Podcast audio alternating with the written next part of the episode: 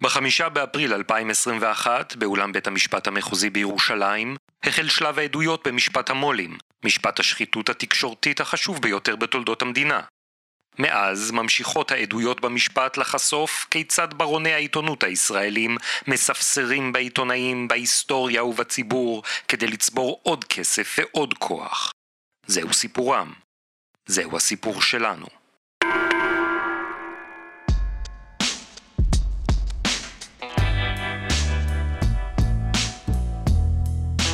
עורכת הדין ניצן וולקן מהפרקליטות חוקרת את העדה דנה נויפלד, לשעבר היועצת המשפטית במשרד התקשורת.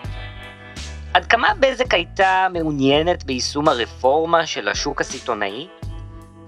בזק הייתה פחות מעוניינת ברפורמה הזאת. היא ניסתה להגיד שהיא לא התנגדה, אבל בפועל היא הציבה קשיים ליישום הרפורמה.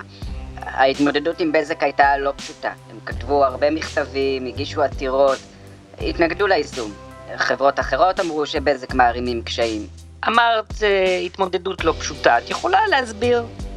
לפעמים בישיבות זה הגיע לטונים לא נעימים. קיבלנו תחושה קשה. תיארת פה מתיחות בין משרד התקשורת לבזק בתקופה של אבי ברגר כמנכ"ל משרד התקשורת. באיזו מידה המצב הזה השתנה בתקופה של פילבר?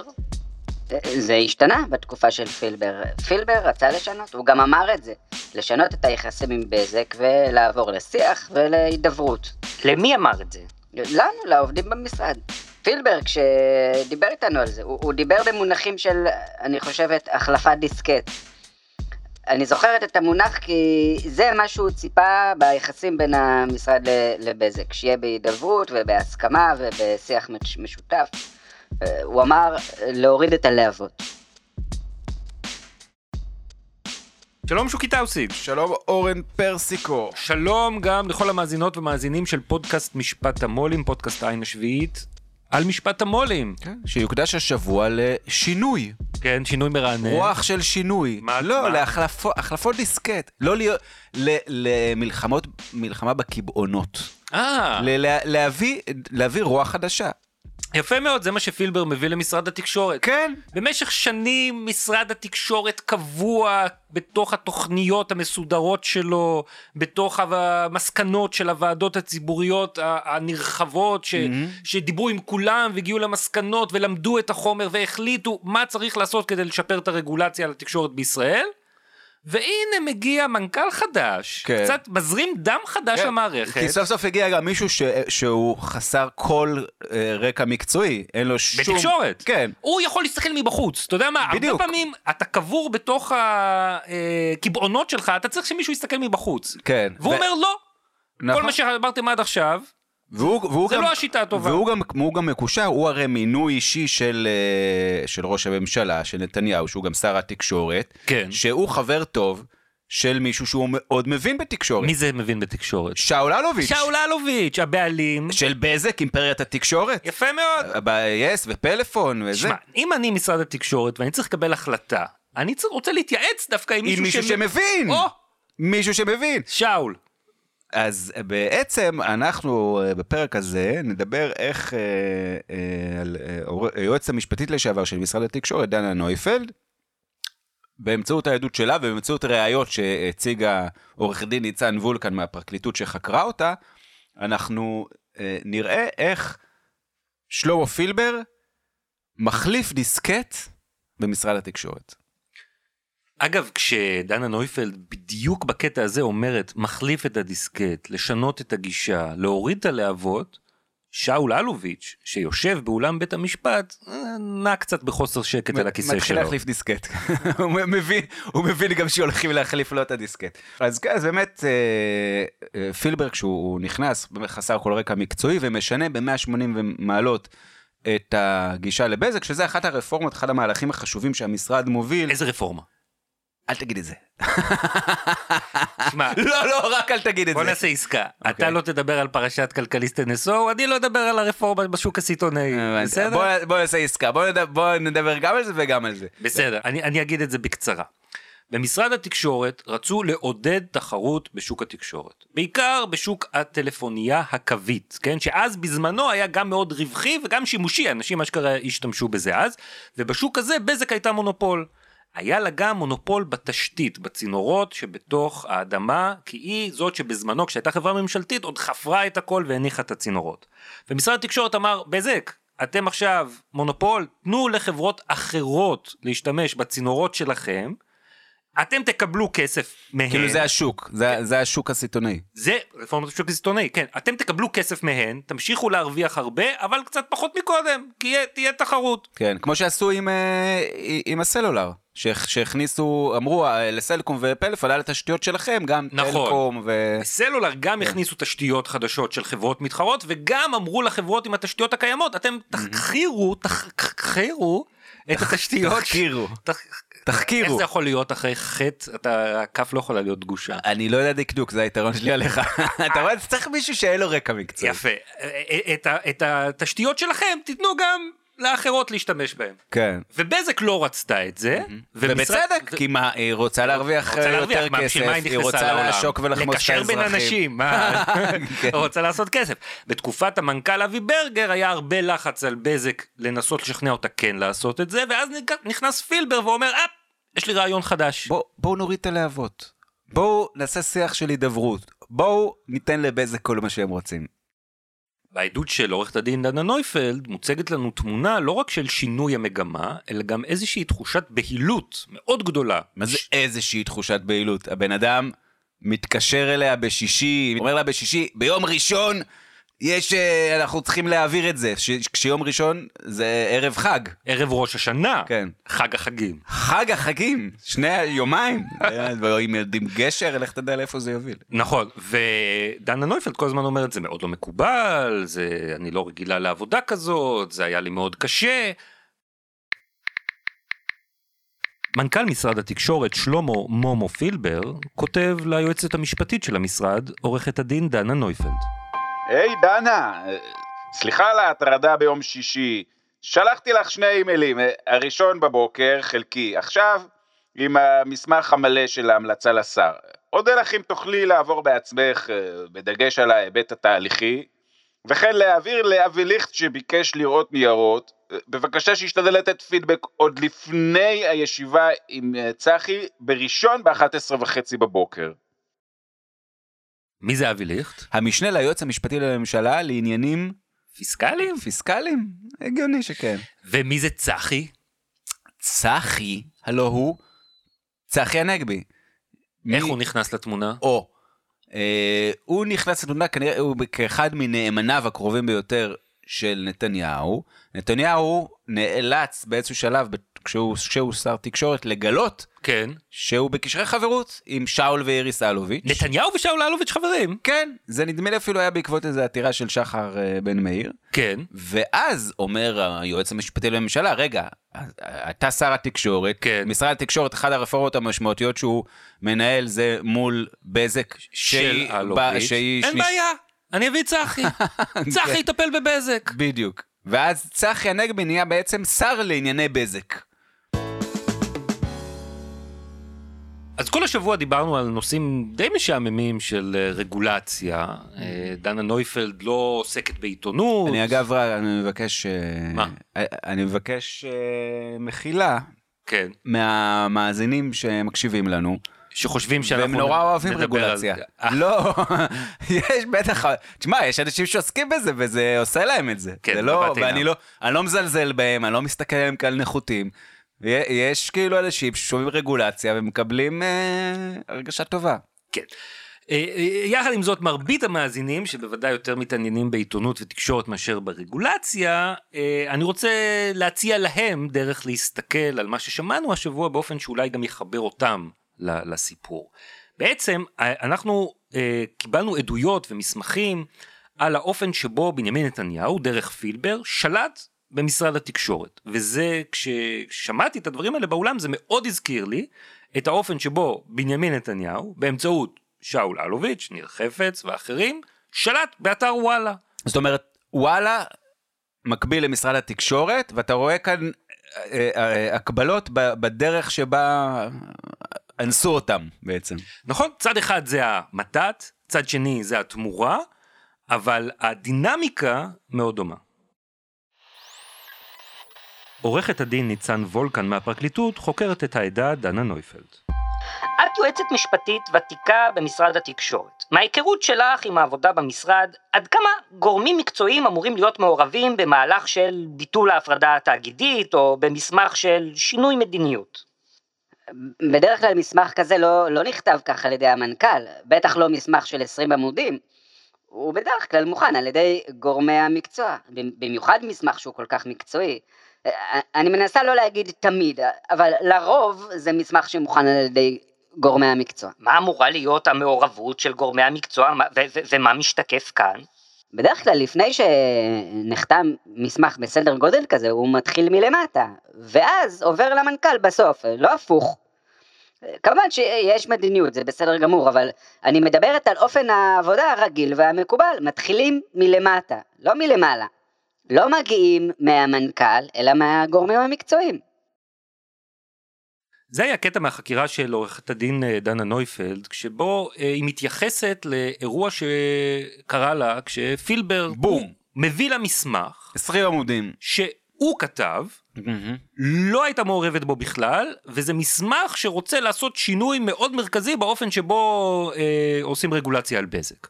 והיא אומרת, אין בעיה שישנה את המדיניות, כן? אבל שיגיד לנו אני רוצה לעשות ככה וככה, אנחנו בלשכה המשפטית נדבר עם האנשים מאגף ההנדסה ועם האנשים מאגף הכלכלה ונגבש את זה ביחד ונשמע את כל הצדדים ונכין את המסמך ונגיש לו להערות ונעשה את התיקונים, ככה אנחנו עובדים. פה יש לנו משהו אחר לגמרי, המסמך כבר המוכן, הגמור, מוגש לה. איפה אתה רואה את ההקבלה לזה בוואלה? אה, מערכות כלי תקשורת בעיקרון, כשהן עובדות כמו שצריך, יש כתבים שיש להם מקורות, הם מקבלים סיפורים, הם יכולים להתייעץ עם האורחים שלהם, כן יקבלו, לא יקבלו, מקדמים את הסיפור, אחרי זה האורחים מחליטים כן להבליט, לא להבליט, זה איכשהו עולה למעלה, ואם יש משהו מאוד רציני, העורך הראשי מתערב ונותן את התרומה שלו. מערכות תקשורת שהן מושחתות, שהן משרתות לא את האינטרס של הציבור אלא את, אה, אה, את האינטרס של המו"ל, הרבה פעמים דברים חשובים מתחילים מלמעלה. מה, מהמנכ"ל, אפילו לא מהעורך. במקרה של וואלה, מהמנכ"ל, כן. זה יכול להיות מבעל השליטה. Mm-hmm. הוא אומר, אני רוצה עכשיו ידיעה על ביקור של שרה נתניהו אצל תערוכת אה, מלכות היופי של ניצולות השואה. אז בעל השליטה מעביר את זה למנכ"ל, או הדובר של ראש הממשלה מעביר את זה לבעל השליטה ולמנכ"ל, המנכ"ל מנחית את זה על העורך, העורך, העורך מנחית את זה על העיתונאי, והעיתונאי צריך לעשות את זה באותו רגע. דנה נויפלד, לשעבר היועצת המשפטית במשרד התקשורת, מעידה בבית המשפט. זה היה בסוף uh, ספטמבר 2016.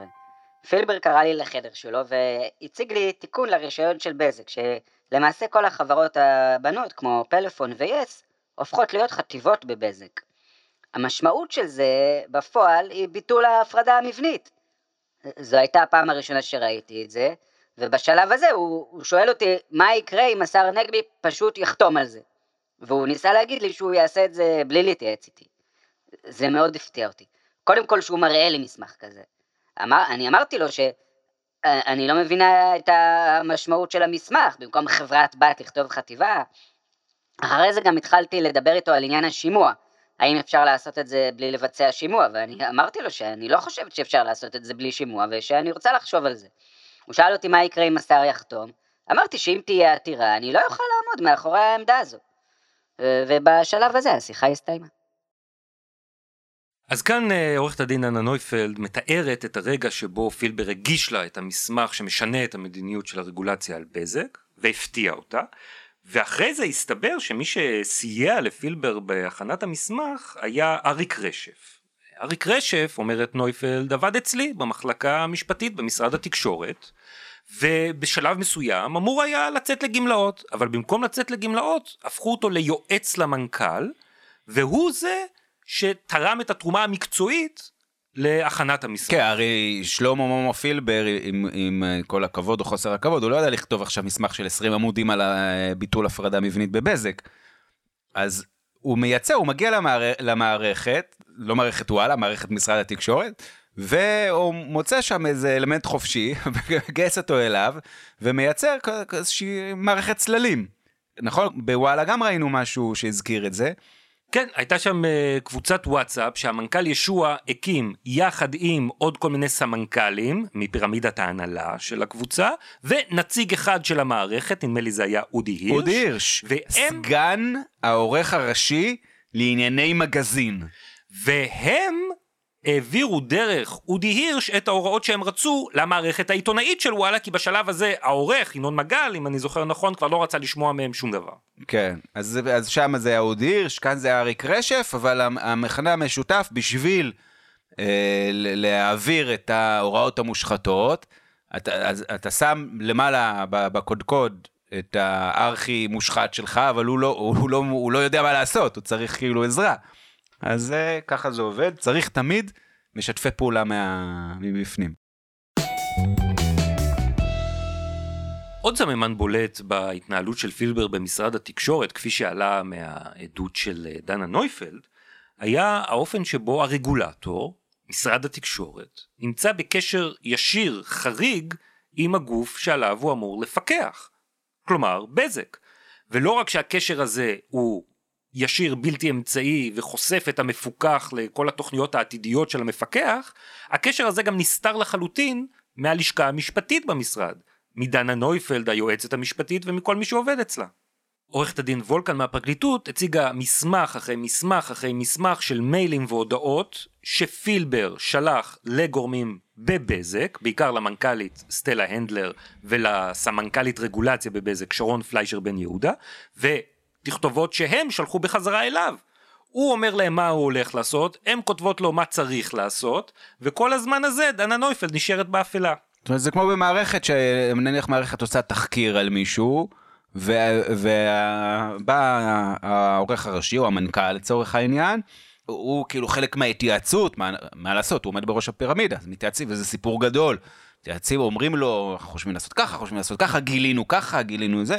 הוא את כל הדברים האלה כל הזמן מעביר לאותו אה, מוד- בן אדם, אותה חברה שעושים עליה את התחקיר. נכון, ופילבר בחלק מההתכתבויות האלה גם נותן כמה רמזים שאנחנו יכולים להבין שהוא הוא יודע שזה משהו חריג, למשל. הוא יודע שזה חריג להעביר לחברה שהוא מפקח עליה את הדיונים הפנימיים של המשרד. כן, זה- אתה אמרת שהוא גאון. קלולס, אתה אמרת שהוא. קלולס, כן. ואני אומר לך לא, הוא יודע אוקיי. מה שהוא עושה. למשל, ב- באחד המכתבים שהוא הוציא לסטלה הנדלר ב-9 לאוקטובר 2016, מעביר לה איזשהו מסמך שרק יומיים לפני כן הוא הציג לסמנכ"לים שלו במשרד התקשורת, והוא מוסיף שתי מילים.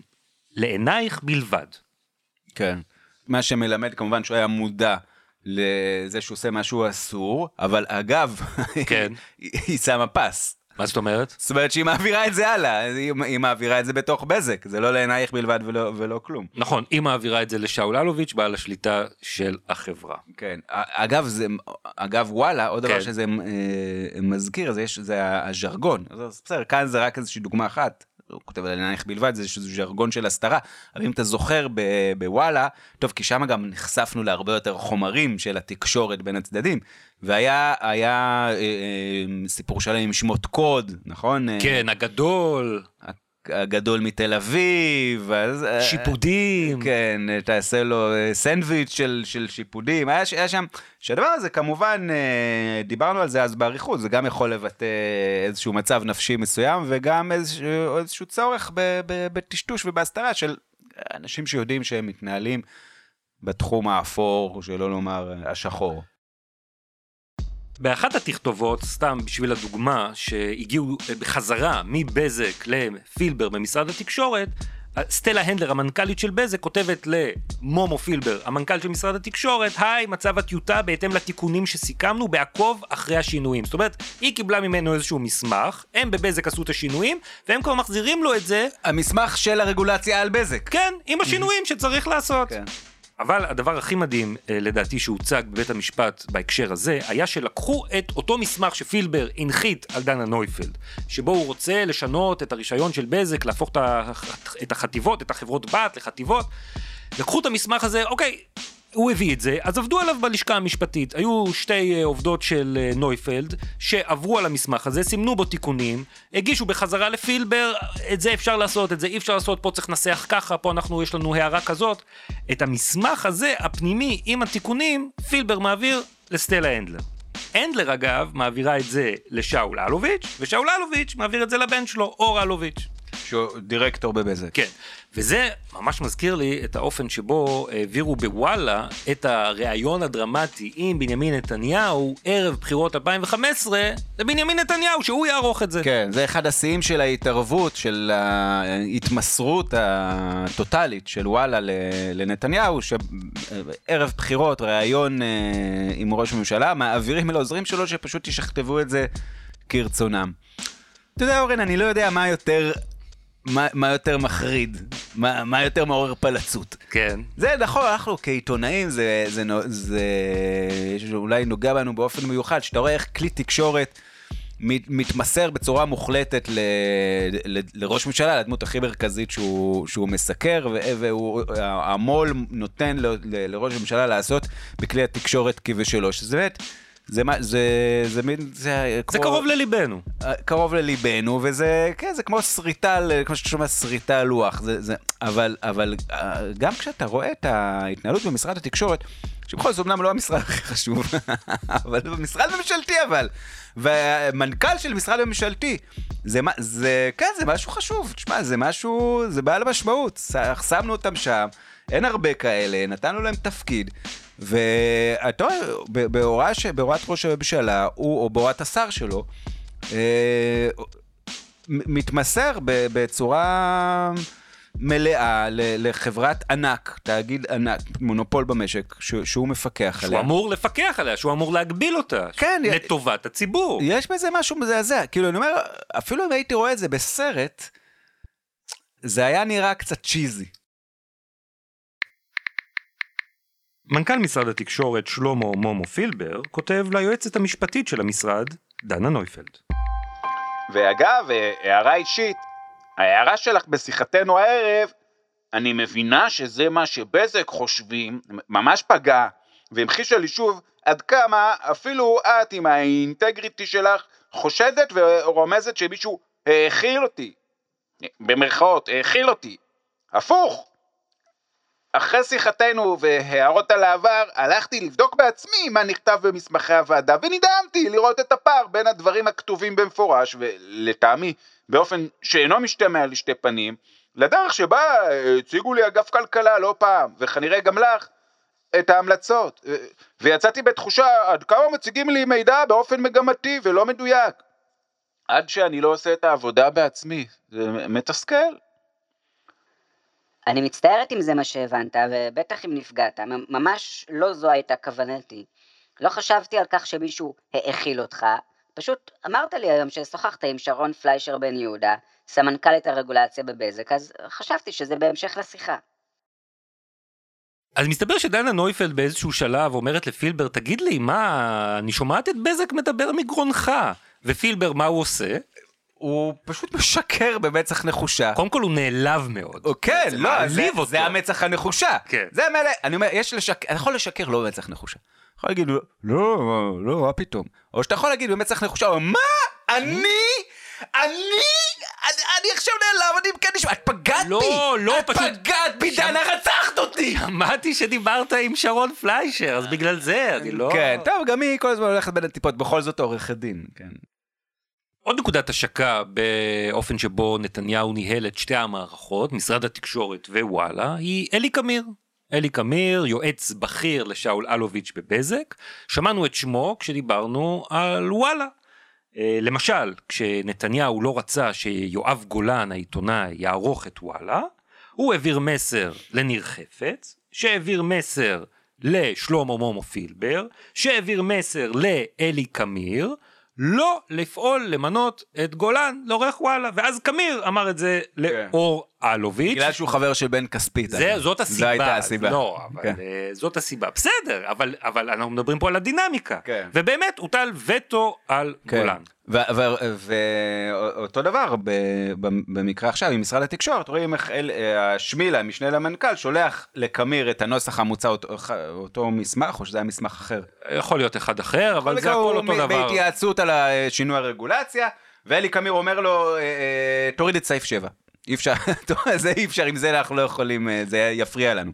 ובאמת, הסעיף מורד בסופו של דבר. והסעיף אכן מורד. מהמסמך הזה.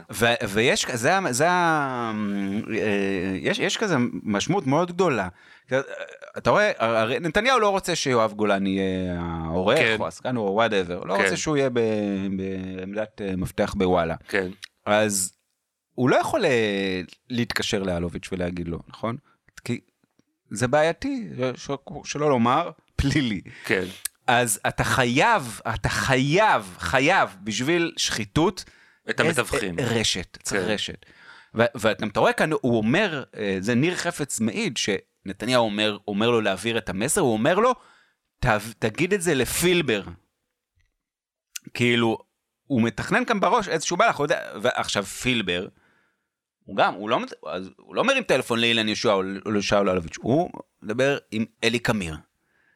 אלי קמיר מדבר עם הבן של אלוביץ'. זאת אומרת, אתה חייב כאן איזשהו, אה, אה, לא יודע, אין איזה מטאפורה לזה, אבל כאילו משהו שידלל, ידלל את הפשע, כאילו, יהיה- ואז בסוף אתה אומר, "אה, אני רק דיברתי עם אלי, אומר, "אה, לא, אני רק דיברתי עם זה, וזה הכל, אתה חייב באמת לעשות עבודה מאוד גדולה ולחשוף את כל הרשת בשביל להתוודע ל...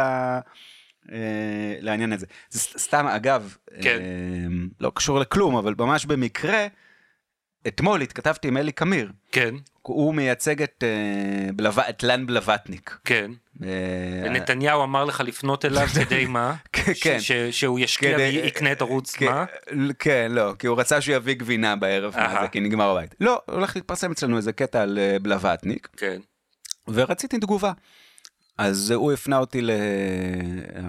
אלי קמיר הפנה אותי לאיזה מישהי שעובדת אצלו, כן. אמרתי לה, מפרסמים כך וכך על בלווטניק, שעכשיו הוא זה אוליגרך אה, רוסי, רוסי ממוצא אוקראיני, מאוד חשוב להם עכשיו להדגיש את זה. כן.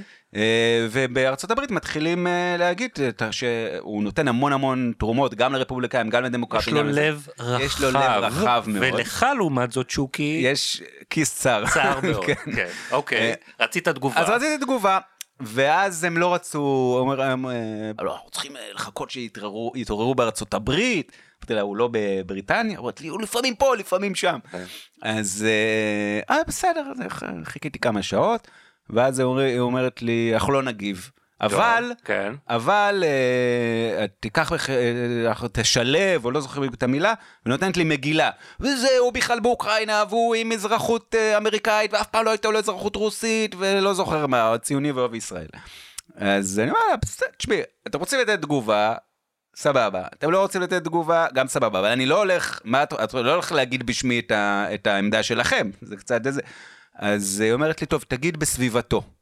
אומרים בסביבתו. אז אני אומר- אומר, תשמעי, אני יודע שכולם נוהגים ככה, אבל אני לא נוהג ככה. כי מה זה סביבתו? זה בדיוק העניין הזה. ככה, זה, מה זה הסביבה הזאת? זה הסביבה שהקמירים חיים בה.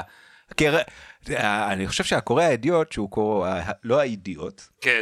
האידיוט הרגיל, כן. הממוצע הסביר, גם אני זוכר, אתה קורא בסביבתו של זה וזה אומרים, כן. אז אתה חושב, מה זה בסביבתו? לא הצליחו להשיג אותו. דיברו עם אשתו, עם הבן שלו, עם החבר שלו, שלו, זה, וכאילו, אז זה, זה נותן גם איזשהו אופי פמיליארי. כאילו לא, עם העובדת של המאכר שלו. אז זהו, לא, מה זה בסביבתו? זה תגובה, זה תגובה מה, מה, מה, מה, מאחד המשרתים שלו, מאחד העובדים השכירים שלו, ושפשוט לא, לא, לא רוצים להראות, אומרים, "אה, אנחנו לא משתינים עליך, אנחנו לא נותנים לך תגובה, לא, אנחנו לא בכבוד שלנו, אז תכתוב בסביבתו. עכשיו, התקשורת כולה, באמת, חוץ מהילד שביט, משחק- זה המשחק שהיא משחקת, ובעיניי זה סממן קטן, אבל משמעותי ל, ל, לרשת הזאת שמאפשרת את ההתקיימות של השחיתות. אגב פמיליאריות, כן. את, אתה, אורן, הסבת את תשומת ליבי למשהו שחרה לך, או כן. שזה אתה.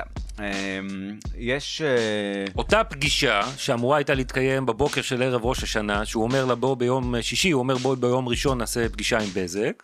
כן, והוא הוא כותב ל... מי זה הוא? פילבר. אה כן, פילבר. שלמה? מומו פילבר כותב לדנה נויפלד, כן. העדה שלנו, היועצת המשפטית לשעבר של משרד התקשורת. ביקשתי מסטלה, כן. שזה מנכ"לית בזק קנדלר, להתארגן עם היועמ"שים הרלוונטיים שלה לפגישה איתנו ביום ראשון ב-12. תתארגני טנטטיבית. ונסגור סופית במוצ"ש תודה. נויפ. נויפלד משיבה לו, בסדר גמור. והמנכ"ל שלה כותב לה, תודה ושבת שלום, קיבלתי את את עצתך, כן. תוך שהוא מוסיף אימוג'י קורץ עם לשון בחוץ. נכון.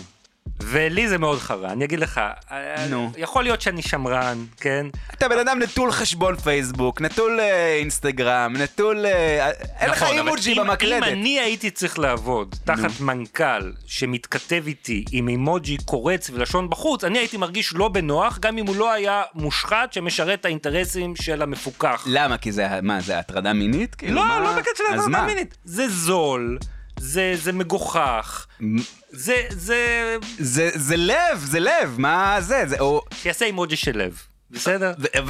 ואז היית אומר, הטרדה מינית. לא, לא, לא, אבל לא? באמת קריצה ולשון בחוץ, אתה לא, זה, אתה, לא- זה, זה המנכ"ל שלך, זה, זה להגיד אני מתכוון לזה ולא מתכוון לזה. אבל אני, אני לא חושב שזה משמעות האימוג'י, אני חושב שזה, טוב, אנחנו בפודקאסט, אי אפשר, זה לא לשון בחוץ כזו של, אה, עבדתי עליך, זה לשון בחוץ של, אה, אוי, טעיתי, כזה מין, או... לא, אז זה הלשון בחוץ, לא? אבל הקריצה, הקריצה? הקריצה והשילוב בין אבל שניהם, בוא אני אגיד לך עוד דבר על אימוג'י, מאחר שאתה לא משתמש באימוג'י, כן. ואני כן משתמש באימוג'י, אני חייב להגיד לך שהרבה פעמים קורה, אתה יודע, במיוחד בגילנו, במיוחד כן. ככל שהראייה מתערפלת, האצבעות כן. המקשים הקטנים, בדיוק, אתה, אתה רוצה לשים, אגב, קוראים לזה הרבה דברים מאוד מביכים, שאתה שולח פתאום נשיקה למישהו וזה, אז תדע לך שאתה רואה אימוג'י, אל תשפוט. אז השבוע הסתיימה החקירה הראשית, זאת אומרת, החקירה על ידי הפרקליטות של העדה דנה נויפלד, ואנחנו, נויפלד מתחילה עכשיו לחקר בחקירה נגדית על ידי הסנגורים של הנאשמים.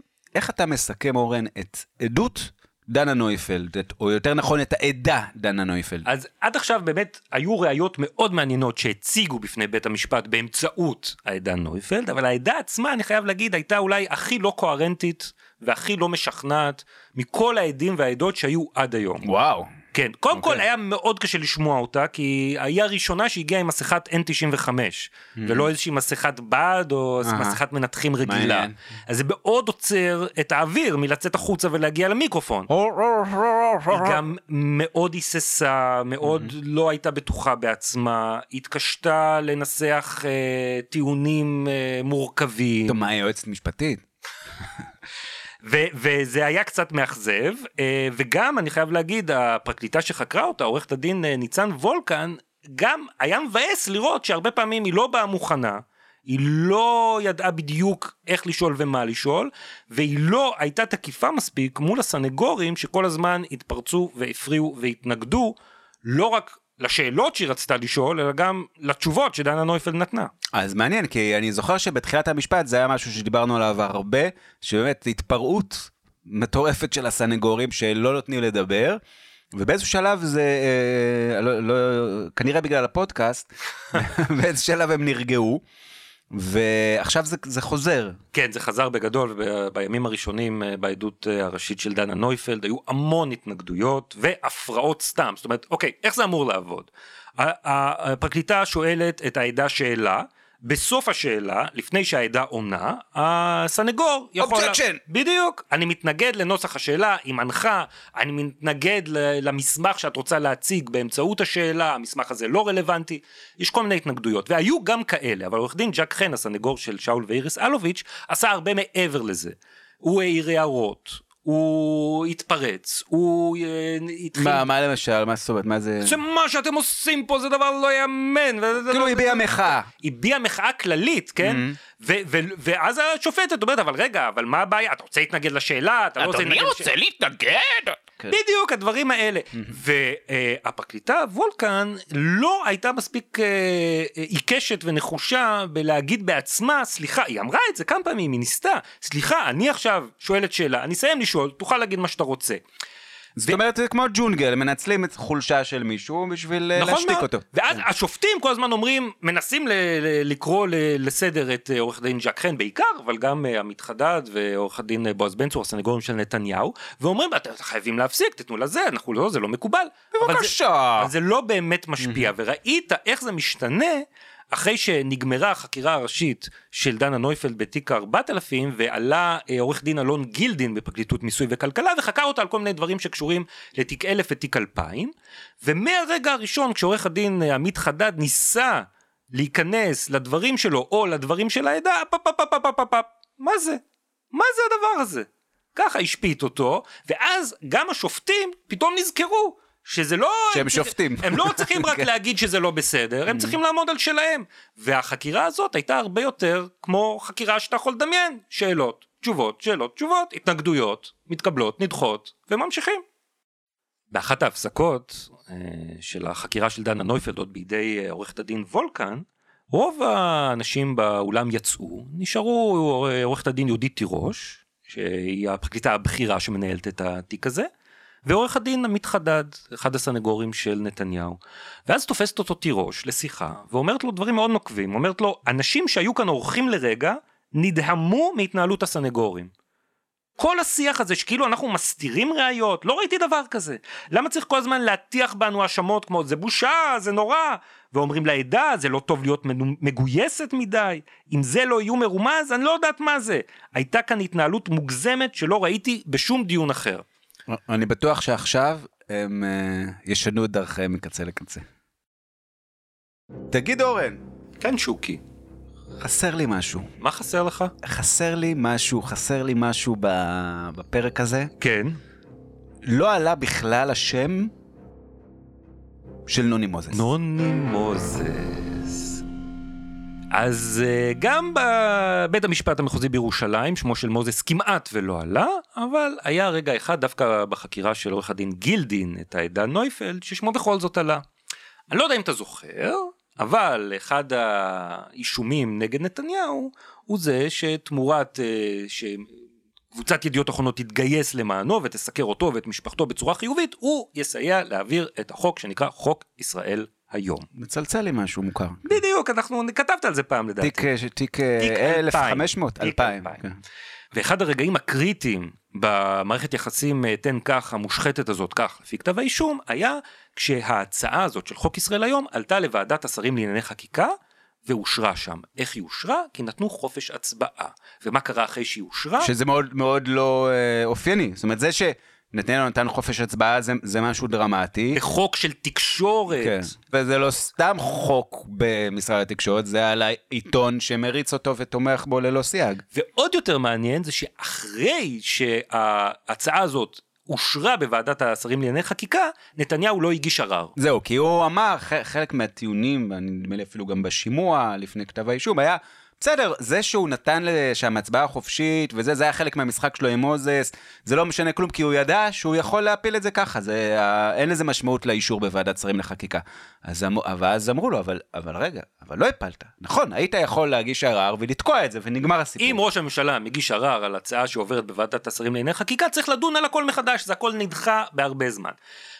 ואז הביאו את עורכת הדין אנה נויפלד. היא לא קשורה בכלל לחוק ישראל היום, אבל, אבל? היא הכינה הצעת חוק אחרת על קשת ורשת, לא קשור, שגם אליה נתניהו לא הסכים. וזה הוגש לוועדת השרים לענייני חקיקה בהפרש של שבוע מהצעת חוק ישראל היום. ועבר. וזה עבר, ומה קרה שם? נתניהו הגיש ערעור. זאת אומרת, כשהוא רוצה, הוא יכול.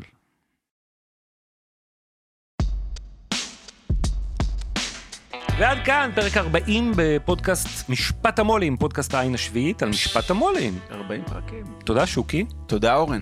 תודה לאוהד סטון על ההפקה והעריכה, תודה... רגע, הערה חשובה.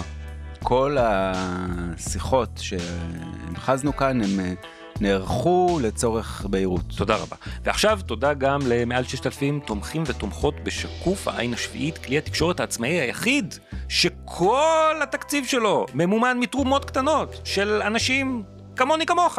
כן, וגם גם, גם לא. אנשים שגם שונים מאיתנו.